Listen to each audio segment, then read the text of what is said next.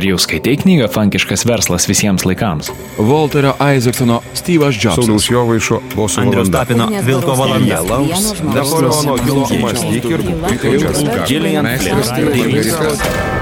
Per daug knygų per mažai laiko?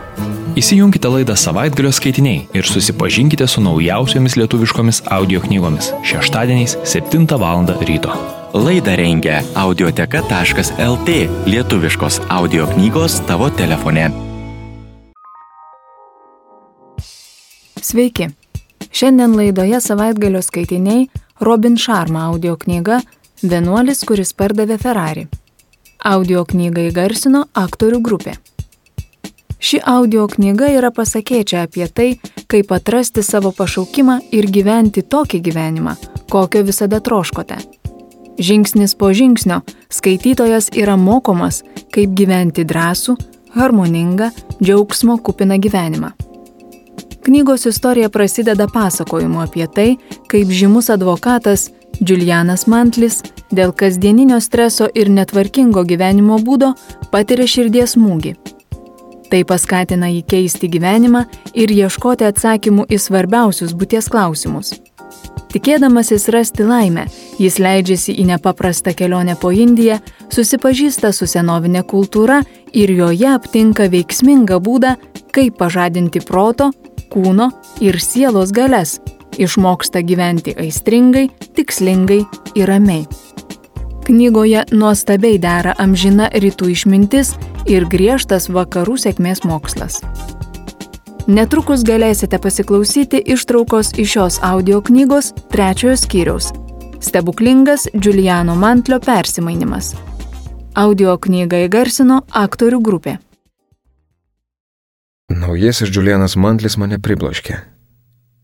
Kaip gali žmogus būti toks judrus ir gyvybingas? Juk vos prieš keliarius metus jis atrodė kaip suvargęs senukas. Svaršiau negalėdamas patikėti savo akimis. Ar vyko stebuklas ir jis gavo gurkštelėti iš jaunystės šaltinio? Kokia jo nepaprasto persimanimo priežastis? Julianas prabilo pirmas. Jis papasakojo, kad teisės pasaulis su savo milžiniška konkurencija smarkiai sudarkėjo kūną ir dar labiau dvasę. Nežmoniškas tempas ir begaliniai reikalavimai jį sekino ir nukamavo. Jis prisipažino, kad jo kūnas buvo palūžęs, o protas prarado aštrumą. Ana širdies smūgis buvęs tik vienas didesnės bėdos požymis. Taip, nuolatinis spaudimas ir pertemta pasaulinio garso advokato darbo tvarkė palaužė svarbiausią, galbūt žmogiškiausią jo turtą - dvasę.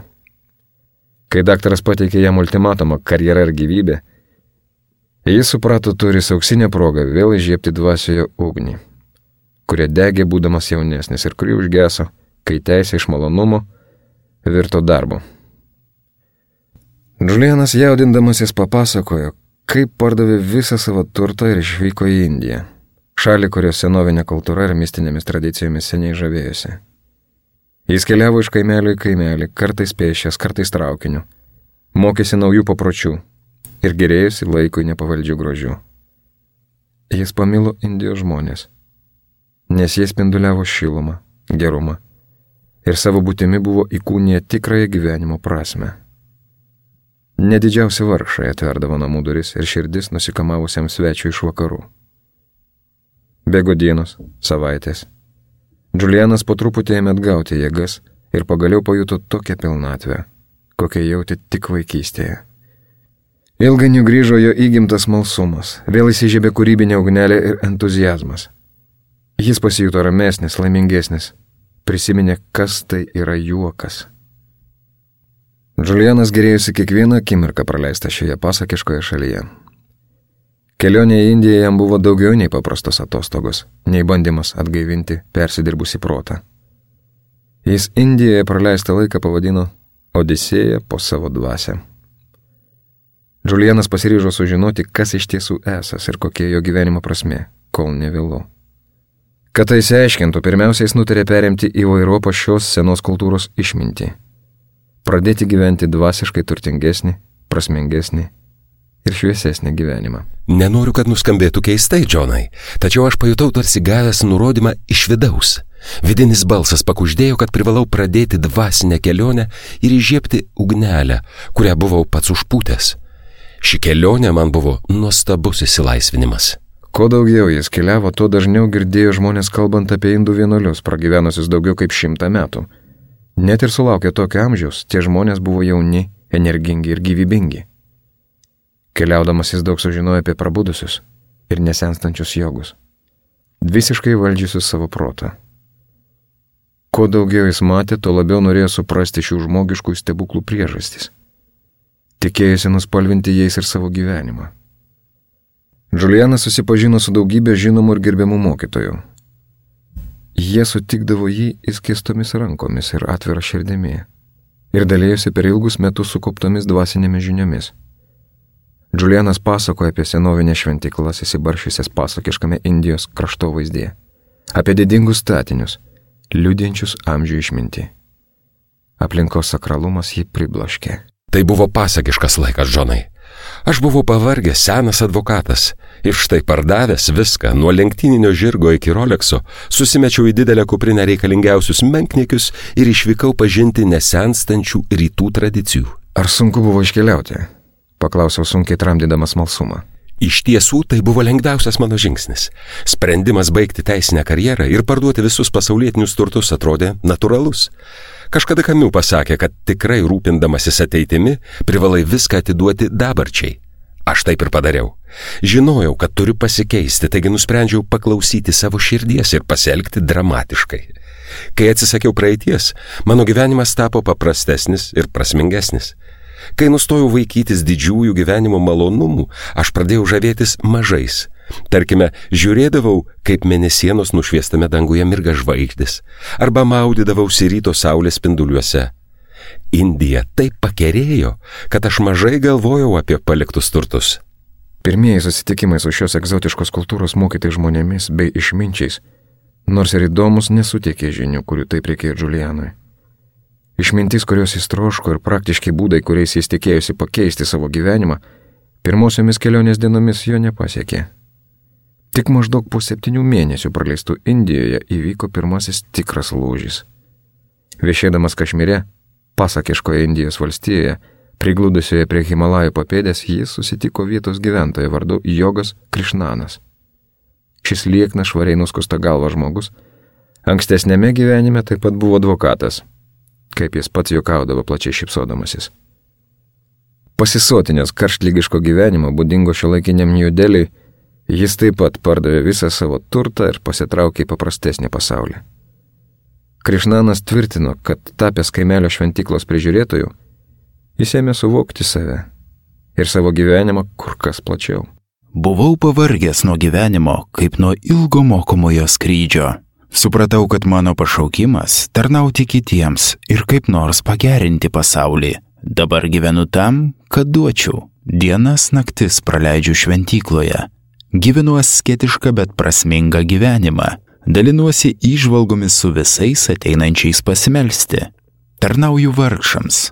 Aš ne šventikas, o tiesiog žmogus atradęs savo sielą. Julianas šiam žmogui papasakoja apie save. Jis kalbėjo apie ankstesnį žymaus ir garbingo žmogaus gyvenimą, apie turtų troškulį ir alinamą darbą. Jis išpažino savo vidinį nerimą ir dvasinę krizę, kurią patyrė. Kai audringa jo gyvenimą, aptemdė sumaištis. Aš taip pat ėjau šiuo keliu mano draugė. Išgyvenau tą patį skausmą, kokį patyrei ir tu, tačiau aš supratau, kad viskas turi savo priežastį. Užjaučiamai tada kalbėjo Jogas Krišnanas. Kiekvienas atsitikimas turi savo tikslą ir iš kiekvienos nesėkmės galima pasimokyti. Aš supratau, kad laikinos asmeninės, profesinės ar net dvasinės krizės būtinos. Antraip, asmenybė netobulės. Sunkumai skatina dvasę aukti, jie padeda pelnyti visokiojopą atlygį. Niekada nesikrimsk dėl praeities, geriau laikyk ją pamoka. Taip beje yra iš tiesų. Julianas pridūrė, kad išgirdęs šios žodžius jis pajutęs didį džiaugsmą. Galbūt pagalvojus, Jogas Krišnanas yra taip ilgai ieškotas jo mokytojas. Kas geriau nei kitas buvęs garsus advokatas, kuris dvasinės kelionės metu pažino kitokį gyvenimą, išmokysi gyventi harmoningiau, prasmingiau ir džiaugsmingiau. Tada tarp jų įvyko pokalbis. Julianas jį man perpasakojo. Man reikia tavo pagalbos, Krišnanai. Noriu išmokti gyventi dvasiškesnį ir prasmingesnį gyvenimą. Bus garbė padėti tau. Pasisiūlė Krišnanas. Ar galiu duoti vieną patarimą? Žinoma, Prižiūrėdamas šio kaimelio šventyklą, girdėjau šnipždantis apie žinius gyvenančius aukštai Himalajuose. Legenda byloja, kad jie turi sukūrę sistemą, galinčią iš esmės pagerinti žmonių gyvenimą, ne vien fiziškai. Tai amžini holistiniai principai ir būdai, kaip pažinti protą, kūną ir dvasę. Julianas buvo priblokštas. Tai atrodė nuostabu. Kur tiksliai tie vienuoliai gyvena? Niekas nežino. Ir bijau, kad aš per senas jų ieškoti. Bet pasakysiu vieną. Daug žmonių bandė juos rasti. Tačiau tos kelionės jiems baigėsi tragiškai. Aukštai Himalajuose tyko begalės pavojų. Net labiausiai įgudęs kopikas bejėgis prieš kalnų stichiją.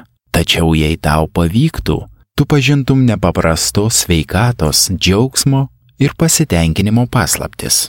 Aš negaliu suteikti išminties, kurios tu trokšti, o jie gali. Julianas nelinkęs lengvai pasiduoti, toliau mygo joga Krišnaną. Ar tikrai nežinai, kur jie gyvena? Galiu pasakyti tik tiek, kad šio kaimelio gyventojai vadina juos didžiaisiais Sivanos išminčiais. Jų mitologijoje Sivana reiškia nušvitimo oazę. Šie vienuoliai garbinami tarytum dievai, tokia jų kilmė ir tokia jų įtaka. Jeigu žinočiau, kur juos rasti, mano pareiga būtų pranešti tau. Tačiau aš dėja iš ties nežinau ir niekas nežino. Kita rytą, kai spalvingą horizontą nušvietė pirmieji saulės spinduliai, Julianas iškeliavo ieškoti paslaptingojo Sivanos kampelio. Iš pradžių jis ketino pasisamdyti kalnų vedlį šerpą, tačiau intuicija jam pakuždėjo, kad reikia keliauti vienam. Taigi turbūt pirmą kartą gyvenime, užuot pasikliovęs protu, Julianas atsidavė nuojautai. Jis jautė, kad bus saugus. Jis netgi žinojo, kad ras tai, ko ieško. Nepaprastai užsidegęs, Julianas leidosi į kalnus. Pirmosiomis dienomis buvo lengva. Kelis kartus jis susitiko su linksmais vieno priekalnio kaimelio gyventojais. Vieni jų minė kalnų takus, ieškodami drožiniams tinkamos medienos, kiti prieglopščio, kurį šį pasakišką šalis teikė visiems išdrysusiems kopti taip aukštai, beveik į dangų. O šiaip jis žygiavo vienas, mąstydamas apie visas per gyvenimą aplankytas vietas, tačiau visų pirma apie tą, kurios ieškojo dabar. Gana greitai kaimelis virto maža dėmelė stebuklingame kraštovaizdžio paveiksle. Snieguotų Himalajų viršūnių didybė vertė jo širdį plakti greičiau ir gniaužė kvapą. Jis jautėsi susiliejęs su aplinka. Tai buvo malonumas, kurį galėjo patirti tik du seni draugai, daugybę metų klausydamėsi vienas kitos slapčiausių minčių ir juokdamėsi iš vienas kito pokšto. Tyras kalnų oras nuskaidrino jo protą ir suteikė jėgų sielai. Daug keliavęs po pasaulį dar neseniai Žulianas mane, kad yra matęs jau viską. Tačiau tokio grožio jam dar niekad nebuvo tekę regėti. Stebuklai, kuriuos jis patyrė toje pasakiškoje kelionėje, buvo nepakartojamos gamtos simfonijos dalis. Jis pasijuto laimingas, linksmas. Visi rūpešiai išgaravo, tarsi jų niekada ir nebuvo. Čia aukštai virš žemėje likusių žmonių, Julianas palengva įsilaisvino iš kasdienybės rutinos ir ėmė tyrinėti neįprastų dalykų viešpatyje. Dar atsimenu, ką tada galvojau. Galvojau, kad iš esmės gyvenimą valdo pasirinkimai. Mes renkame savo lemtį patys. Taigi nebejoju, kad pasirinkau teisingai. Žinojau, kad mano gyvenimas pasikeis ir kad man turi atsitikti kažinkas nepaprasta, gal net stebuklinga. Tai buvo nuostabus pabudimas. Vis dėlto prieėjęs ir taip gyventas Himalajų vietas, jis pajuto nerimą. Tai buvo tas pats mielas drebuliukas, kurį jausdavo vaikštinėdamas naktį arba prieš prasidedant įdomiai bylai teismo salėje. Neturėjau nei vedlių, nei žemėlapio, tačiau keliauti buvo lengva. Siauras patogus takelis vedė mane aukštyn į kalnų viršūnės, tarsi būčiau žvelgęs į vidinį kompasą, kuris rodė kelią mano lemties link. Manau, kad ir norėdamas nebūčiau galėjęs sustoti. Julianas buvo susijaudinęs. Jo žodžiai liejosi kaip sraunus kalnų upelis po lietaus. Praėjo dar dvi dienos. Jis meldėsi, kad takas nuvestų jį į Sivaną. Nors dabar Julianas jau buvo laisvas nuo įtampos kaušiusios jo nūdienų pasaulį, Vis dėlto jis nežinojo, ar tikrai galės baigti gyvenimą be tų rūpešių, kuriuos jam darydavo teisininko profesija. Jo mintis nuklydo į ažulų iškaltą kabinetą žvilgančiame dangorožyje miesto centre ir į svajonių vasarnami, parduotų už menkus katikus. Jis prisiminė senus draugus, su kuriais šėldavo prašmatniausiose restoranuose ir savo brangų į Ferrari. Ak, kaip tada spurdėdavo jo širdis, kai jis stipriau paspausdavo greičio pedalą ir priversdavo variklį grėsmingai riumuoti. Džulianas skverbėsi vis gilin į šią mistinę vietą. Greitai jo prisiminimus apie praeitį užgožė dabarties stebuklai. Staiga jam besigėrint gamtos grožybėmis, atsitiko šis tas nepaprasta. Akies krašteliu priekyje jis pastebėjo žmogų. Šis buvo apsisiautęs ilgų, dailiai krintančių raudonų apsiaustų, apsigobęs tamsiai mėlynų guptuvų. Julianas nustebo. Iš ties keista buvo regėti gyvastį šioje nušalėje vietoje, iki kurios jis taip sunkiai keliavo septynias dienas. Jis buvo toli nuo įprasto pasaulio ir vis dar nežinojo, kur rasti savo pagrindinį tikslą Sivaną. Julianas šūktelėjo sutiktajam. Raudonoji figūra neatsakė ir paspartino žingsnį, net nepažvelgusi į Julianą, tarsi jo būtų neišgirdusi. Greitai paslaptingasis pakeleivis puolė bėgti. Raudonas apsiaustas lengvai suplasdėjo jam ant nugaros, tarsi šiukždančios medvilninės paklodės, pakabintos džiūti vėjuotą rudens dieną. Paskui įvykiai klostėsi taip. Brolau, padėk man rasti Sivaną. Keliavau septynias dienas tik su trupineliu maisto ir lašeliu vandens. Turbūt būsiu pasiklydęs. Žmogysta netikėtai sustojo. Julianas ėmė atsargiai artintis, o keistasis pakeleivis stovėjo labai ramus ir tylus. Jis sustingo, jo rankose buvo pintinėlė. Julianas neižvelgė nepažįstamojo veido po goptuvu, tačiau jį pribloškė pintinėlės turinys. Joje buvo sudėtos nuostabaus grožio gėlės, kokiu Julianas dar nebuvo matęs. Julianui artinantis žmogus sugniaužė pintinėlę tvirčiau, tarsi norėdamas parodyti, kokios jam brangios šios gėlės ir kaip jis nepasitikė aukštų vakariečių, retų šiuose vietose kaip rasa dykumoje. Julianas smalsiai žiūrėjo į žmogystą. Švystelėjus saulės spinduliu paaiškėjo, kad po plačių gobtuvų slėpėsi vyras panašaus amžiaus kaip Julianas. Bet Julianas niekad nebuvo matęs tokių vyrų.